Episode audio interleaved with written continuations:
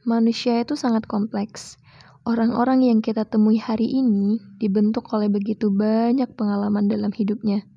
Sangat mungkin untuk berbenturan, tidak sependapat, dan bahkan saling menyakiti. Don't expect too much. Selain manusia mudah lupa, manusia memang gampang berubah. Hari ini A, besoknya B, atau bahkan C, tergantung kepentingannya. Tinggal luaskan lagi hati, perbanyak lagi stok sabar. Karena bahkan kita sendiri juga sering melakukan kesalahan yang tanpa kita sadari. It's okay. Kebaikan orang lain bukan tanggung jawab kita. Jadi ingat nasihat, our work is to be kind, loving, and generous. But our works is not to take on what is not our to transform.